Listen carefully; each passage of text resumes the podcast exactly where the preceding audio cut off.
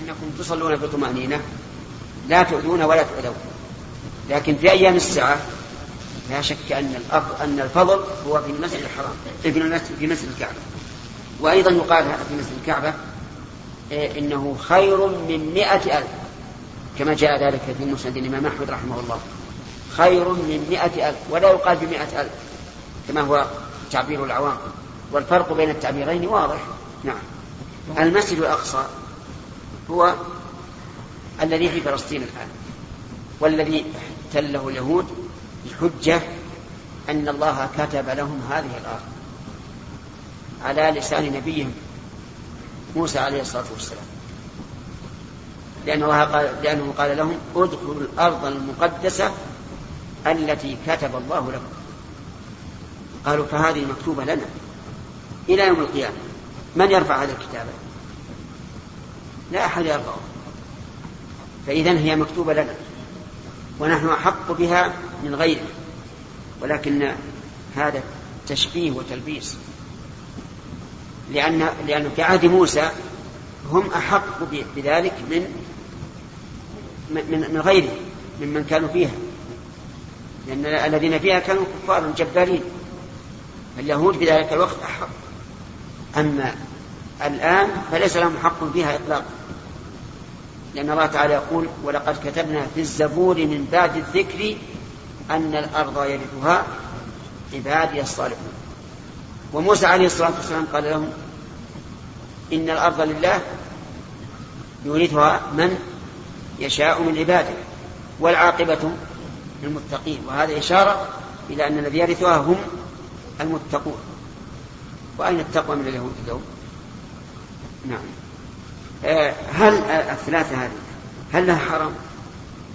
نقول أما المسجد النبوي والمسجد الحرام فلهما حرام ويختلف الحرمان. حرم مكة أوكد من حرم المدينة لأنه مجمع عليه وحرم المدينة فيه خلاف ولأنه يجوز في حرم المدينة ما لا يجوز في حرم مكة. وأما المسجد الأقصى فلا حرم له. المسجد له حرمة كغير من المساجد لكن ليس له حرام. نعم. نعم. نعم. كيف؟ نعم. ما أدري ما أعرف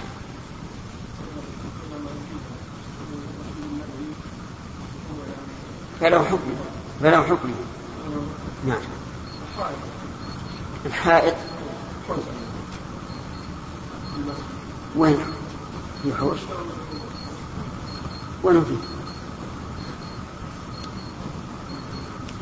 الحوش في مسجد الحرام. لا الساحة ما حوط عليها. الساحة اللي على يسار القبلة ما حوط عليها. هذه هذه هذه إذا امتلأ المسجد واتصلت الصفوف فالمصلون فيها لهم أجر علي في المسجد. ولذلك نتعجب من من الناس الآن. تجدهم يصفون في هذه الساحة لأجل يتصل الصف الأول. يتصل بالصف الأول. فيفوتون أنفسهم فضيلة المسجد. بعض الناس إذا مات يدفنونه في جنب المسجد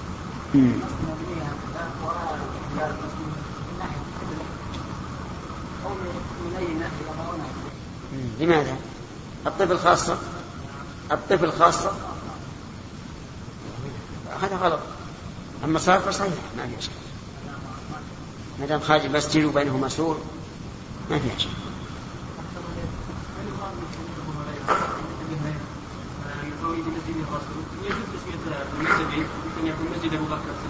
كيف؟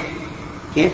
قال ابو هريره في الحديث المسجد الحرام ومسجد الرسول نعم هل يؤخذ من ذلك ان يجوز تسميه المسجد ان يكون مسجد ابو بكر الصديق وعمر بن الخطاب يعني الآن؟ نعم. الآن؟ وين فيه وين فيها أين هو؟ في المدينة يعني؟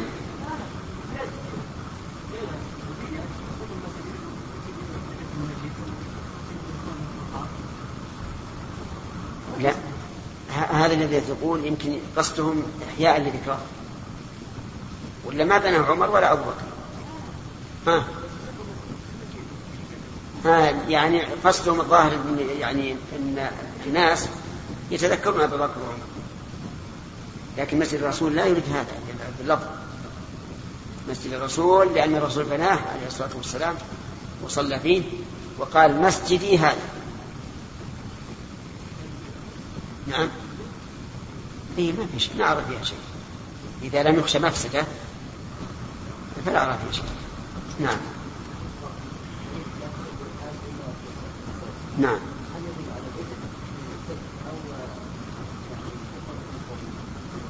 كيف؟ المشرطين إيش؟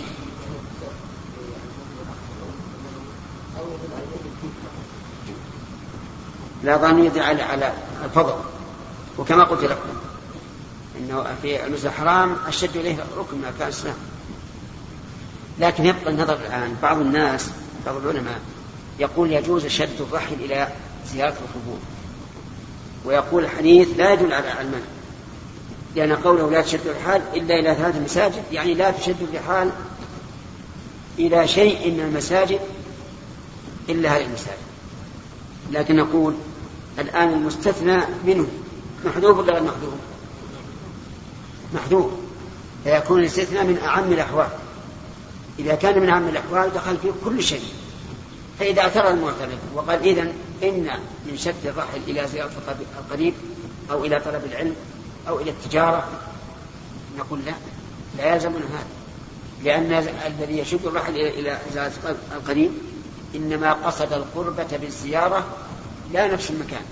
ومعلوم أن الإنسان يشد الرحل لزيارة القريب وللتجارة وليشاهد ويطالب مثلا بعض الآثار لكن لا يقصد بهذا التعبد بالوصول إلى هذا المكان. نعم. ما يحدث من بعض الناس من تعيين مسجد معين في مكان معين ويشد الرحال إليه ويعتكف فيه لفترة ثلاث أيام أو أكثر للدعوة آه، وللاعتكاف. أولا بارك الله فيك لا, لا ليس هناك اعتكاف مشروع إلا في العشر الأواخر. في العشر الأواخر نعم. من غيره ما في مشروع. ثانيا وثانيا كونه يقصد هذا المسجد بالذات الاعتكاف فيه غلط. أما كونه يختار هذا المسجد لأنه يجتمع فيه الناس ويحب أن يذهب إليه ليدعوهم هذا لا بأس. لأن سفره الآن ليس للمسجد نفسه ولكن للمكان الذي يجتمع فيه الناس. فلو اجتمعوا في غير هذا المسجد لذهب إليه. آخر سؤال. انتهى الدرس. يلا عبد الرحمن. الشيخ أحسن الله إليك. الإشكال الصلاة أفضل العبادات وأحب الأعمال إلى الله سبحانه وتعالى. الصلاة على وقتها إي نعم. إذا كانت الصلاة تتضاعف في المسجد الحرام إلى خير من مئة ألف صلاة نعم. فما وجه ترك هذا الموضع من الصحابة واستثناء في أماكن أخرى؟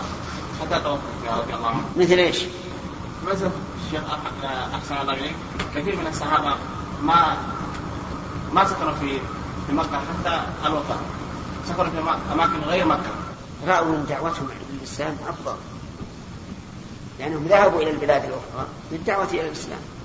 وللجهاد أيضا. وهذا أفضل من مراعاه المكان. نعم. بسم الله الرحمن الرحيم. أبواب العمل في الصلاة. باب استعانة اليد في الصلاة إذا كان من أمر الصلاة. وقال ابن عباس رضي الله أبواب العمل في الصلاة يعني الحركة في الصلاة. الحركة في الصلاة تنقسم إلى خمسة أقسام واجبة ومحرمة وسنة ومكروهة ومباحة. فما يتوقف عليه صحة الصلاة فهو واجب وما تبطل به الصلاة فهو محرم وما كان من كمالها فهو سنة وما كان عبثا فهو مكروه. وما كان لحاجة فهو جائز إن كان مكروها. و وما كان لضرورة فهو جائز إذا كان محرما. فإذا توجه الإنسان إلى غير القبلة ثم أتاه من ينبهه فالانصراف إلى القبلة واجب لأنه يتوقف عليه صحة الصلاة. وما نسه الإنسان وذكر به مثل وضع اليدين على الصدر. كأن ترى شخصا يصلي ويداه مستلتان ثم تنبهه فيرفع اليدين. فهذا سنة. وما كان عبثا فهو مكروه. كالإنسان يعبث بغترته أو بمشرحه أو بساعته أو بقلمه أو ما أشبه ذلك. وما كان للضرورة مما يبطلها لو لولا ضرورة فإنه مباح كما لو فر الإنسان من عدو أو قاتل من أراد قتله أو عالج حية أو عقربا أو ما أشبه ذلك. نعم. وقال ابن عباس رضي الله عنهما يستعين الرجل في صلاته من جسده بما شاء ووضع أبو إسحاق قلنسوته في الصلاة ورفعها ووضع علي رضي الله عنه كفه على رسله الأيسر إلا أن يحك جلدا أو يصلح ثوبا. أن يحك جلدا حك الجلد من أي الأقسام؟ حاجة. لا هو بل قد يصل إلى الاستحباب إذا كان الإنسان أصابته الحكة ولولا ولولا حكته لاشتغل بالصلاة. لأن الحكة إذا لم تحكها أشغلتك فهنا نقول حقها سنة لأنه يوجب أن لا ينشغل الإنسان بحرارة الحكة. أو يصلح ثوبا إصلاح الثوب. مثل لو, لو انفك إزاره وأصلحه بالربط. هذا قد يكون واجبا إذا كان يخشى لو لو تركه لانكشف عورته. كذلك أيضا في العمامة لو انفلت وأراد أن يكورها ويربطها لأن تكويرها وربطها من أخذ الزينة في الصلاة لمن كانوا يعتادون لبسه. المهم إصلاح الثوب من قسم المباح إلا إذا كان يترتب على عدم إصلاحه بطلان الصلاة كانكشاف العورة نعم. حدثنا عبد الله بن يوسف قال أخبرنا مالك عن مخرمة بن سليمان عن كريب مولى بن عباس أنه أخبره أنه أخبره عن عبد الله بن عباس رضي الله عنهما أنه بات عند ميمونة أم المؤمنين رضي الله عنها وهي خالته. قال فاضطجعت على عرض الوسادة. واضطجع رسول الله صلى الله عليه وسلم وأهله في طولها فنام رسول الله صلى الله عليه وسلم حتى انتصف الليل أو قبله بقليل أو بعده بقليل. ثم استيقظ رسول الله صلى الله عليه وسلم فجلس فمسح النوم عن وجهه بيده ثم قرأ العشر آيات خواتيم سورة آل عمران. صحيح. ثم قام إلى شن معلقة فتوضأ منها فأحسن وضوءه ثم قام يصلي. قال عبد الله بن عباس رضي الله عنهما فقمت فصنعت مثل ما صنع ثم ذهبت فقمت إلى جنبه فوضع رسول الله صلى الله عليه وسلم يده اليمنى على رأسي وأخذ بأذن اليمنى يفتلها بيده فصلى ركعتين ثم ركعتين. ثم ركعتين ثم ركعتين ثم ركعتين ثم ركعتين ثم أوتر ثم اضطجع حتى جاءه المؤذن فقام فصلى ركعتين خفيفتين ثم خرج فصلى الصبح. في هذا الحديث ما أشار إليه المؤلف رحمه الله في الترجمة وهو العمل إذا كان لمصلحة الصلاة. باب استعانة اليد في الصلاة إذا كان من أمر الصلاة. وفيها أيضا فوائد. منها جواز أن يبيت المميز عند الرجل وأهله لفعل ابن عباس رضي الله عنه ولم ينكره النبي صلى الله عليه وعلى آله وسلم مع أنه صلى الله عليه وسلم أشد الناس حياء. لكن بشرط أن يكون هذا المميز آه، له قرابة مع الزوجة؟ فابن عباس له قرابة مع الرسول عليه الصلاة والسلام ومع مع الزوجة الزوجة خالته والرسول ابن عمه. في أيضا من فوائده آه، أدب أدب ابن ابن عباس. لأنه خالفهما في الاضطجاع على الوسادة. كان الرسول صلى الله عليه وسلم وأهله في طولها. وهو في عرضها. يعني نام على طرفها. هذا معنى قولك في عرضها أنه نام على طرفها. فعلى هذا يكون هو ممتدا مثلا إلى الشمال والنبي صلى الله عليه وسلم وزوجه إلى الشرق مثلا.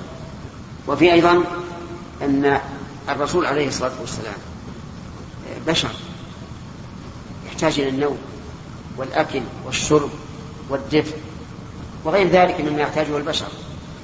وهل نقول فيه دليل على استحباب الوسادة في النوم؟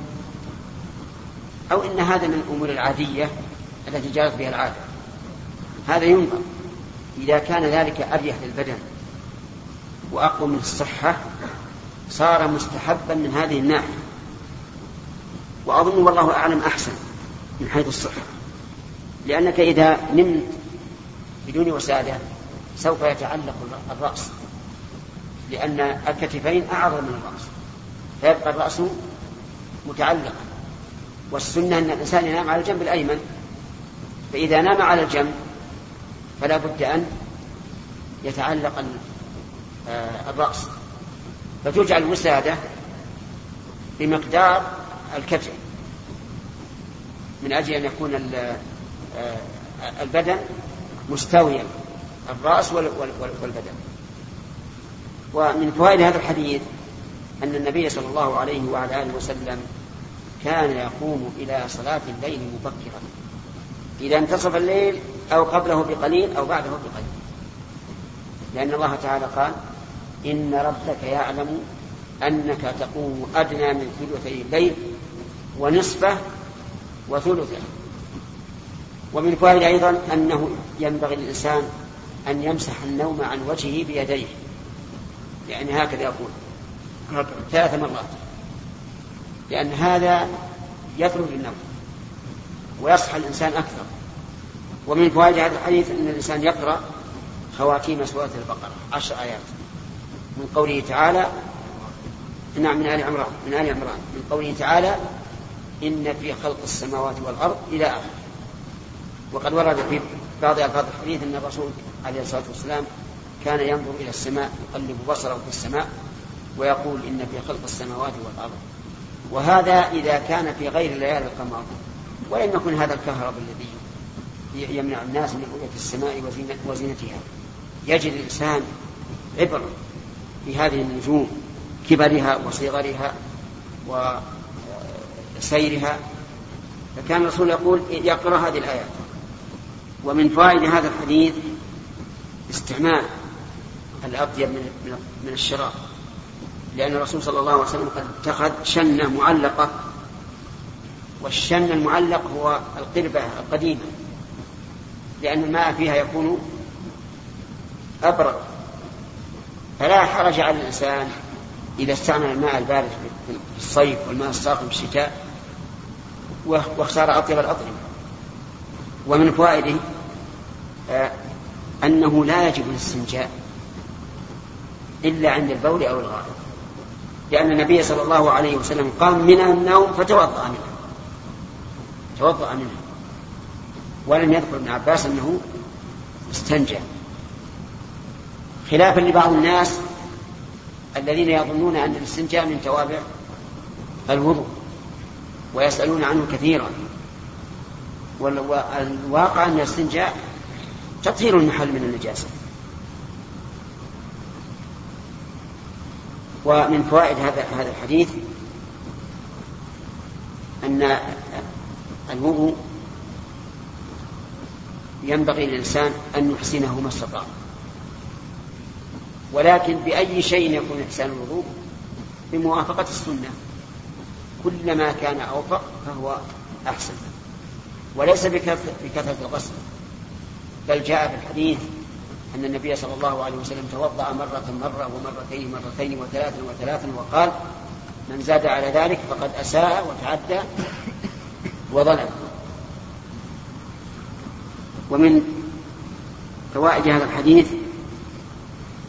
أن الإنسان ينبغي له أن ينام مع أهله في فراش واحد. لقوله رضي الله عنه اضطجع رسول الله صلى الله عليه وسلم وأهله في طوله خلافا لبعض المترفين الآن الذين يجعلون لهم سريرا وللزوجة سريرا. فإن هذا لا ينبغي. بل الذي ينبغي أن يكون السرير واحدا إن كان إن كان على سرير أو آه، آه، على الأرض في فراش واحد. ومن فوائد هذا الحديث ذكاء ابن عباس رضي الله عنه وحرصه على التأسي برسول الله صلى الله عليه وسلم لأنه قام فصنع مثل ما صنع بدون أن يأمره النبي صلى الله عليه وسلم. وفيه أيضا من فوائده جواز التصرف بمال القريب إذا كان يعلم أنه لا لا أنه يرضى بذلك. وجه أن ابن عباس قام فتوضأ من الماء الذي بالشم المعد للشرب. لكنه يعلم أن الرسول صلى الله عليه وسلم لا ينكر هذا بل يرضى ومن فوائد هذا الحديث أن الواحد مع مع صاحبه في الصلاة يقوم إلى جنبه. لقوله فقمت إلى جنبه. ولكن هل إذا قام إلى جنبه يكون مساويا له؟ أي للإمام أو يتقدم الإمام قليلا؟ الأول. خلافا لما يظن بعض الجهل. يقول إذا وقف الإمام ومأموم يتقدم الإمام قليلا. هذا غلط لأنهما إذا وقفا صارا صفا والمطلوب في الصف التسوية ومن فوائد هذا الحديث أن موقف المأموم الواحد مع الإمام يكون إلى إلى يمينه. لأن النبي صلى الله عليه وسلم أخذ بأذن عبد الله بن عباس رضي الله عنهما من اليسار إلى اليمين. ومن فوائد هذا الحديث جواز العمل لمصلحة الصلاة. وجهه أن الرسول صلى الله عليه وسلم تحرك وحرك أيضا. تحرك هو بنفسه حيث فتل أذن عبد الله بن عباس يعني لواها بعض الشيء. والثاني حرك لأنه حرك عبد الله بن عباس. وعلى هذا فإذا وجدت وجدت الصف منفرجا كما يوجد في بعض المساجد تجد الصف منفرج. لا سيما الذين وهموا في عمل الصحابة رضي الله عنهم أنهم يسلكون الكعبة من الكعبة حيث ظنوا أن المعنى تفريج الرجلين. تجد بعض الأحيان تدخل بعض المساجد تجد ما بين الكتفين منفرجا انفراجا بينا. وما بين الرجلين متلاصق. مثل هؤلاء قربهم لأن لأنك إنما تفعل بهم خيرا وإن كان يشوش بعض الشيء لكن أنت تفعل بهم الخير. ومن فوائد هذا الحديث جواز انتقال الإنسان من انفراد إلى إمام. لأن النبي صلى الله عليه وسلم أول ما كبر كان وحده منفردا. ثم نوى الإمامة بعد أن دخل معه عبد الله بن عباس رضي الله عنه. وهذا واقع. لكن هل يجوز هذا في الفريضة؟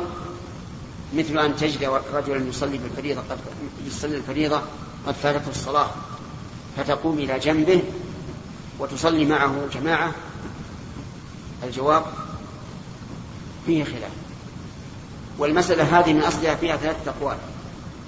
القول الأول أنه يجوز أن ينتقل من انفراد إلى إمامة في الفرض والنفل والقول الثاني أنه يجوز أن ينتقل من انفراد إلى إمامة في النفل خاصة والقول الثالث أنه لا يجوز لا في الفرض ولا في النفل. أما من قالوا إنه يجوز في النفل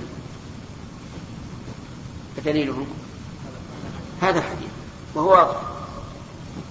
وأما من قالوا إنه يجوز في الفرض والنفل فقالوا إنما ثبت في النفل ثبت في الفرض إلا بدليل. ويدل على هذه القاعدة المهمة أن الصحابة رضي الله عنهم لما ذكروا أن الرسول صلى الله عليه وسلم كان يصلي على راحلته في السفر قالوا غير أنه لا يصلي عليها المكتوبة. فاستثنوا. فدل ذلك على أن ما ثبت في النفل ثبت في الفرض إلا بدليل. وهذه القاعدة تنفعك في مواطن كثيرة. وأما القائلون بالمنع فقالوا لأن الإنسان لا يجوز أن يغير النية. ينتقل من نية الانفراد إلى نية إيش؟ الإمام وأجابوا عن هذا الحديث بجواب غير سديد قالوا إن الرسول عليه الصلاة والسلام قد ظن أن ابن عباس سيقوم ويصلي معه. وهذا لا يقبل. من الذي أدراهم أن الرسول عليه الصلاة والسلام كان يعلم هذا أو يغلب على ظنه هذا؟ بل لو قلنا ان الأمر إيش؟ بالعكس لأن هذا صبي وصغير نائم والصواب والصواب في هذه المسألة أنه يجوز أن ينتقل من انفراد إلى إمامة في الفريضة وفي النافلة ومن فوائد هذا الحديث أنه لا مكان للواحد للمأموم الواحد في الجانب الأيسر من الإمام لأن النبي صلى الله عليه وسلم غير موقف موقف ابن عباس. ولكن هل هذا على سبيل الوجوب بمعنى أنه لو صلى عن يسار الإمام بطل صلاته أو على سبيل الاستحباب الصحيح أنه على سبيل الاستحباب لأنه لم يرد عن النبي عليه الصلاة والسلام النهي عن الوقوف في اليسار ولا الأمر بالوقوف في اليمين. قائد ما هنالك؟ عمومات مثل يمنوا ألا فيمنوا ألا فيمنوا وليس هناك نص صريح في هذه المسألة ولا نهي عن اليسار. ولو كان هذا محرما عن الوقوف في اليسار لا كان الرسول عليه الصلاة والسلام يقول لابن عباس حينما انصرف من الصلاة لا تعد حتى يتبين أنه حرام.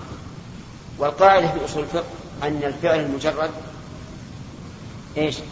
يدل على الاستحباب فقط ولا يدل على الوجوب فإن قال قائل حركة النبي صلى الله عليه وسلم وتحريكه لابن عباس ألا يكون هذا قرينة على أن الأمر الوجوب فالجواب لا. لأن هذه الحركة حركة لفعل مستحب فتكون مستحبة. ومن فوائد هذا الحديث صلاة النبي صلى الله عليه وسلم صلاة الليل ثلاث عشرة ركعة. هكذا؟ احسبوها زين. فصلى ركعتين ثم ركعتين ثم ركعتين ثم ركعتين ثم ركعتين ثم ركعتين. ابن كعب وأنس بن مالك وجابر وخمسة آخرون من أصحاب الشجرة وعبد الرحمن بن أبي ليلى وقال حبيب بن سلمة رأيت الصحابة يهبون إليها. قام لعادته وقد تبينت عادته في الحديث الآخر. ولفظ التهجد مع ذلك مشعر بالسهر ولا شك أن في التسوك عونا على دفع النوم فهو مشعر بالاستعداد للإطالة. وقال البدر وقال البدر بن جماعة يظهر لي أن البخاري أراد بهذا الحديث استحضار حديث حذيفة الذي أخرجه مسلم يعني المشار إليه قريبا. قال وإنما لم يخرجه لكونه على غير شرطه وكان قد قام من نصف الليل أو قبله بيسير أو بعده بيسير. فينبغي للإنسان أن يعطي نفسه حظها من الراحة. وفي هذا الحديث أيضا من الفوائد أنه لا يشرع صلاة ركعتين بعد الوتر. لكنه قد ثبت عن النبي صلى الله عليه وسلم أنه صلى ركعتين بعد الوتر جالسا. كان النبي صلى الله عليه وسلم يصلي من الليل. حدثنا أبو اليمان قال أخبرنا شعيب عن الزهري أنه قال أخبرني سالم بن عبد الله أن عبد الله بن عمر رضي الله عنه قال آه وقال وفيهما أحاديث جياد أو قال صحاح عن النبي صلى الله عليه وسلم وأصحابه والتابعين إلا أنه قال لمن شاء فمن شاء صلى. وعند البيهقي عن معمر عن الزهري عن ابن المسيب قال كان المهاجرون لا يركعونهما وكانت الأنصار تركعه تركعهما. ومن حديث مكحول عن أبي أمامة وقال إن في الصلاة شغلا وما منها من كلام الصلاة يعني كلام الناس كلام الآدميين. أما مع الله عز وجل فهو دعاء. ادعوا الله تعالى تعالى بما شئت في أمور الدين في أمور الدنيا في في إحسان الخلق في أي شيء. لكن مخاطبة الناس أو الكلام مع الناس هذا هو الممنوع. لأن الشريعة واحدة والمشرع لها واحد ولا يمكن أن يتناقض كلامه ففقه الأحاديث مهم جدا. عدم وليس في لغة العرب ولا في لغة أحد أنه يسمى القديم الأزلي محدث. قلت يعني وهم في ذكره بالكنية وليس كذلك بل هو شعيب وسنده صحيح وقال ابن حزم لا يصح لأنه عن أبي شعيب. أو أنه يأتي يأتي الإنسان في صلاته ويقول اذكر كذا اذكر كذا في يوم كذا حتى لا يدري كم صلى ثلاثا أم أربعة وهذا القول أرجح لكن الإنسان ينبغي له ويتأكد عليه أن يطرد هذا هذا الوسواس وهذا الحديث بقدر ما يستطيع. وهو إذا عود نفسه سهل عليه أما إذا انساب مع هذه من أسباب قوة ضلال أولئك. كما قد بسط في غير هذا الموضع. وهؤلاء المتفلسفة قد يجعلون جبريل هو الخيال الذي يتشكل في نفس النبي صلى الله عليه وسلم. والخيال هذا المقصود من الكلام السابق كله. هذا هو المقصود. الآن الصوفية ولاتهم يقولون بأن الولي أفضل من النبي لأجل أنه يأخذ عن الأصل. الآن يبين الشيخ رحمه الله وجه ذلك. فيما يتعلق بالعقول العشرة. يقول هؤلاء المتفلسفة وهؤلاء المتفلسفة قد يجعلون جبريل هو الخيال الذي يتشكل في نفس النبي صلى الله عليه وسلم والخيال تابع للعاقل. فجاء الملاحدة المتصوفة تابع للعاقل يعني تابع للملك. تابع للملك الذي يتصور به. نعم. فجاء الملاحدة المتصوفة الذين شاركوا هؤلاء الملاحدة المتفلسفة. سألت عائشة رضي الله عنها عن صلاة رسول الله صلى الله عليه وسلم بالليل فقالت سبع وتسع وإحدى عشرة سوى ركعتي الفجر. حدثنا عبيد الله بن موسى قال أخبرنا حنظلة عن القاسم بن محمد عن عائشة رضي الله عنها أنها قالت كان النبي صلى الله عليه وسلم يصلي من الليل ثلاث عشر منها الوتر. هو جبريل. وما يراه النبي صلى الله عليه وسلم هو خيال. فأيهما أعلى؟ من يأخذ عن الأصل أو من يأخذ عن الخيال؟ من يأخذ عن الأصل. ولذلك قالوا أن الولي أفضل من النبي. طيب. والمعدن عنده؟ والمعدن عنده هو العقل. والملك هو الخيال والخيال تابع للعقل. وهو بزعمه يأخذ عن العقل الذي هو أصل الخيال والرسول يأخذ عن الخيال. لهذا صار عند نفسه فوق النبي. ولو كان خاصة النبي ما ذكروه لم يكن هو من جنسه فضلا عن أن يكون فوقه. فكيف وما ذكروه يحصل لآحاد المؤمنين؟ والنبوة أمر وراء ذلك. وقد اتفق سلف الأمة وأئمتها وسائر أولياء الله تعالى على أن الأنبياء أفضل من الأولياء الذين ليسوا بأنبياء. حاجته وهو إلى جنبه ثم نزلت هذه الآية. قوموا لله قانتين. والقنوت بمعنى اللهي عن الصلاة بشيء. فأمرنا بالسكوت. يعني أمرهم النبي صلى الله عليه وسلم بالسكوت. لما نزلت هذه الآية. فصار فصار جواز الكلام صار منسوخا. بهذه الآية الكريمة ما انتهى يرتعش وينفعل من هذا. نعم. فزعم محمود. فزعم محمود أنه سمع عثمان بن مالك الأنصاري رضي الله عنه وكان ممن المقاربة للمعنى. لأن الفلاسفة هم الذين ولدوا أهل الكلام. فالفرق بينهم آه، ليس ببعيد ثم إن الصوفية في أهل الكلام قل وأكثرهم يميلون إلى الجوانب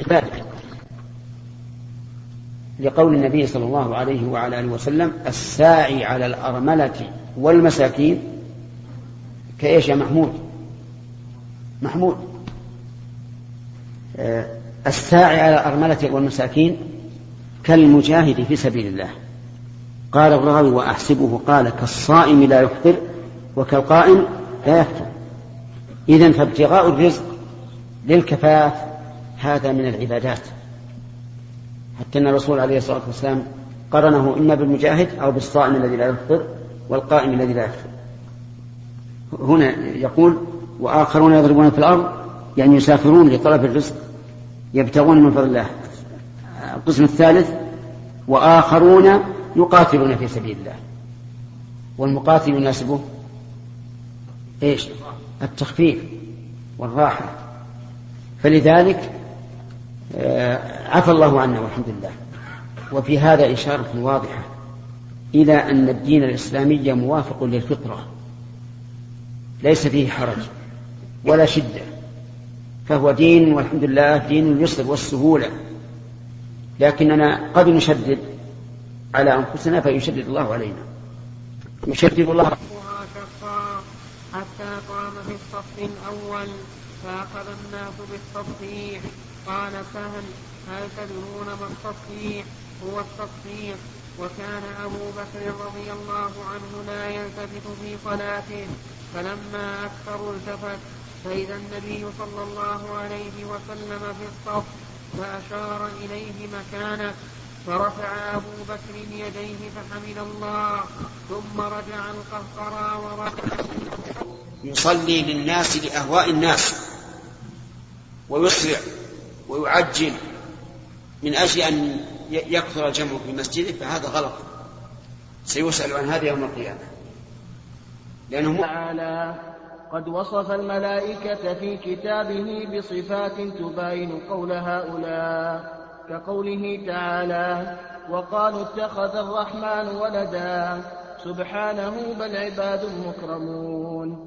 لا يسبقونه بالقول وهم بأمره يعملون. يعلم ما بين أيديهم وما خلفهم ولا يشفعون إلا لمن ارتضى وهم من خشيته مشفقون.